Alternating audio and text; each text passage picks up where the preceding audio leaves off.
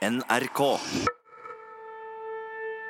Kvinna ble funnet søndag 29.11. med restene av et bål delvis forbrent. Men hvem var hun, hvor kom hun fra, hva skulle hun, og hva var det i grunnen som hadde hendt? Det er stadig vekk eh, spennende nye ledetråder i gåten i Isdalen-mysteriet. I dag starter vi med historien om ei skei, Marit. Det var en liten detalj vi har oversett i lang tid i den veldig lange lista over innholdet i disse to koffertene som ble funnet som tilhørte Isakskvinnen.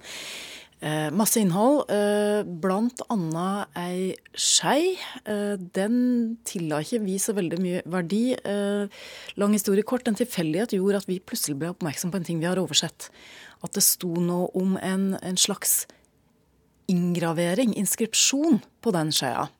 Altså skeia, for å minne om det, den finnes jo ikke lenger. Ingenting av innholdet i de to koffertene, dessverre, eh, er å finne. Det er blitt rota bort eller kommet bort i løpet av årene. Eller kasta og destruert.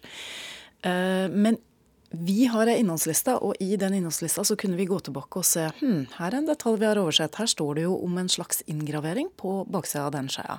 Og det ble jo selvfølgelig veldig spennende for oss å ettergå. Og hva fant dere når dere begynte å søke litt rundt det? Nei, vi fant jo ulike ting. Vi fant uh, spor til en katolsk orden. Uh, vi fant uh, spor som ligna, men ikke traff helt til et gammelt norsk seilskuterrederi. og vi fant noe som ligna veldig på den typen bestikk på norske museum. Vi kommer fra NRK. og skal møte en Bjørn Bekkelund. Marit og Øyvind er på vei inn på Norsk skogmuseum på Elverum. Her har de en kniv og en gaffel, levert inn av et barnløst ektepar fra Tolga en gang på 70-tallet. Av samme type som Isdalskvinnen hadde en skje av i sin koffert. Men denne, denne saken rundt den dama, er den, den er fortsatt et mysterium, eller? Ja, enn så lenge så er den jo det. Så er jo det her et litt sånn besnærende spor, fordi det er jo noe vi ikke har fulgt opp før. Så, så det treffer dere. Ja.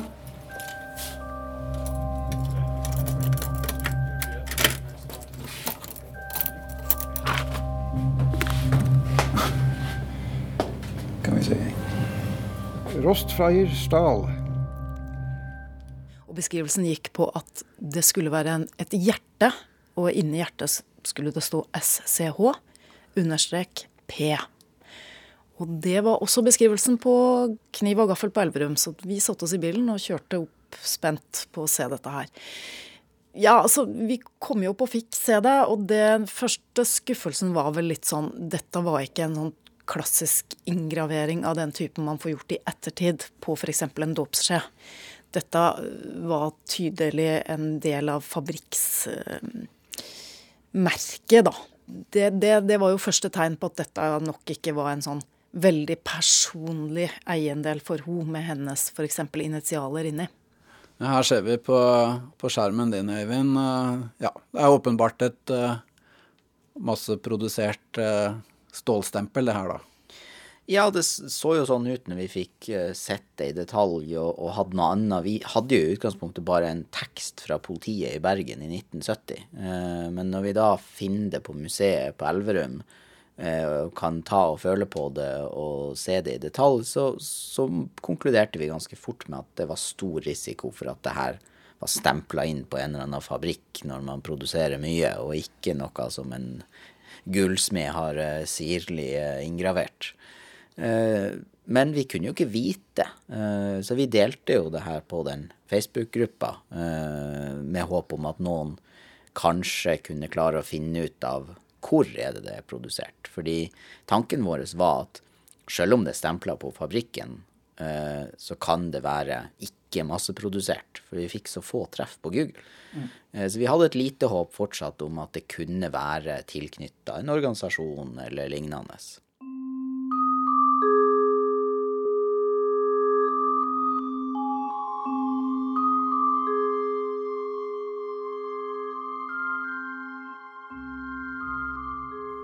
Fortell litt om den Facebook-gruppa først, Marit. Ja, det er en Facebook-gruppe som er oppretta av BBC eh, for podkasten Death in Ice Valley, og hvor lytterne av podkasten kan gå inn og bli del av det kalde samfunnet som er der inne. Og det har jo altså utarta noe voldsomt og fått eh, ja, Eh, I skrivende stund så er det nærmer seg 14 000 medlemmer der inne. Det stiger med noen hundre for hver dag. Og det, det er et helt fantastisk samfunn å følge med på, egentlig. For der er det medlemmer fra absolutt alle verdenshjørner. Og det er nesten sånn rørende å se hvordan Australia og New Zealand kommuniserer med Finland og, og Eh, Bangladesh. Altså det er virkelig medlemmer fra ja, alle verdenshjørner. Og en av disse 14 000 eh, medhjelperne, hobbydetektivene, kom fram til noe? Ja, de var jo flere som var på mange forskjellige spor, og de fant igjen en del av det vi hadde funnet. Men eh, når de begynte å diskutere ja, det her må jo være en fabrikk, så kom de til at det med å ha patent, det er noe sånne selskaper har holdt på med i hundrevis av år. Så de søkte i patentregistra og fant da et treff på at det var en produsent av stålbestikk fra Wien i Østerrike som da hadde patent på det her merket SCHP.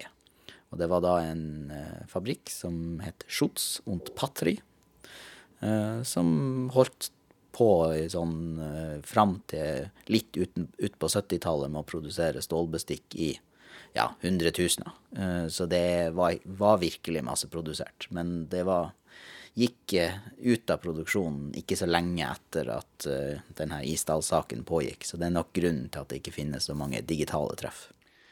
Og En måte å se det på var at kanskje lufta gikk ut, ut, av ballongen på et lovende spor, men da er det på en måte også eliminert. Så kan man konsentrere seg om andre spor. Og er det, er det mye dere jobber med nå?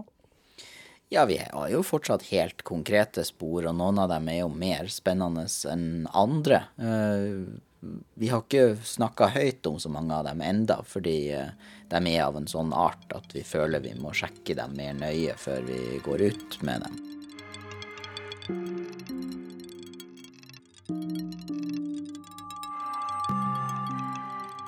They had agents in different places. They were men en dere har snakka med, er professor Stephen Durrow fra Huddersfield University. Og han er en kjent ekspert på etterretningstjenester.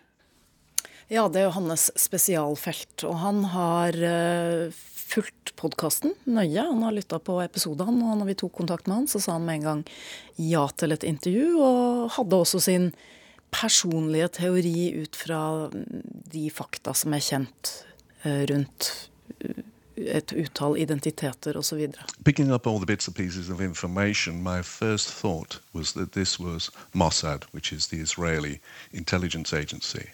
They were operating in the late 60s, 70s, infiltrating far right groups, infiltrating the PLO, etc.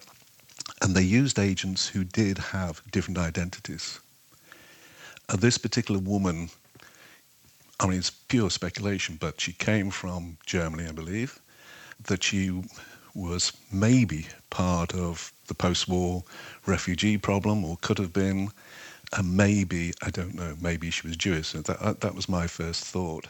Så hans, hans teori er at hun kan ha vært Mossad-agent, for det er visse ting som, uh, som stemmer overens.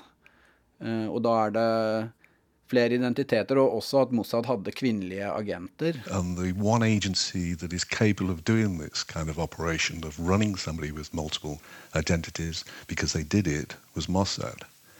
It's a shame we don't know the passports, because Mossad did a great deal about passports. They stole passports, forged passports, used passports from different countries. And they used agents who did use different identities, and they did recruit more females than I think most intelligence agencies. Det stunder mot sommer, og det ble ikke noe svar før uh, sommerferien i år heller. Hvordan uh, tar uh, Facebook-samfunnet dette nå? Nå er litt sånn den hovedserien dere har laget sammen med BBC over, og det er litt sånn Nå kan det jo gå en stund før noe mer skjer. Eller det kan skje fort. Ja, nei, altså Vi er jo veldig takknemlige og glad for at eh, folk der ute Nå har vi jo tydelig fått uh, masse, masse blodfans over hele verden, og at de har satt veldig pris på det vi har fortalt, og høre om prosjektet og følge med på podkasten, og at de kommer til å savne oss, som de skriver. Får masse meldinger om det. Jeg tror de er veldig glad for at vi holder Facebook-gruppa åpen, at de får ha sitt eget samfunn der inne og fortsette å spekulere i ulike teorier, og det er fint, det. Det kan for, for all del, det kan føre til at vi får nye ledetråder som de kommer fram til.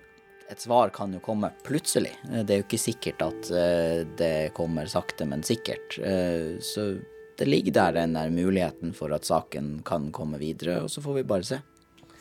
Da får vi egentlig bare si god sommer. Takk til Marit Tigraf og Øyvind Byskille. Og saken. Hvis det skjer noe nytt der, så vil det dukke opp på nrk.no og i denne podkasten så raskt som mulig. Dere møtte professor Stephen Durrell. Bjørn Bekkelund fra Norsk Skogmuseum. Jeg heter Kjetil Saugestad. Følg Gåten i isdalen på nrk.no.